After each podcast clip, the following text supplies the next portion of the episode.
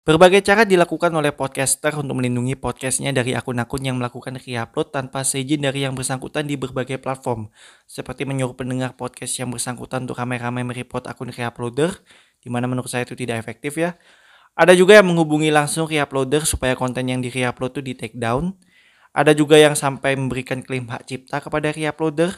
Tapi kalau sampai dibawa ke jalur hukum sih sepertinya belum ada ya yang sampai ke sana. Karena ribet juga mungkin ya. Tapi kalaupun ada ya sah-sah saja. Tapi yang paling banyak dilakukan podcaster adalah podcastnya juga diunggah di YouTube, baik secara utuh atau hanya potongan klipnya saja, termasuk podcast pendek-pendek ya. Dan itu terbukti dapat memperkecil kemungkinan di re-upload oleh orang lain tanpa seizin yang bersangkutan. Walaupun podcast pendek-pendek tidak ada yang re-upload karena bukan podcast yang terkenal ya. Dan kalaupun terkenal karena durasinya pendek-pendek, mungkin tidak hanya di re-upload sama orang lain di YouTube ya, tapi juga di Instagram, Twitter, Facebook, grup WhatsApp keluarga,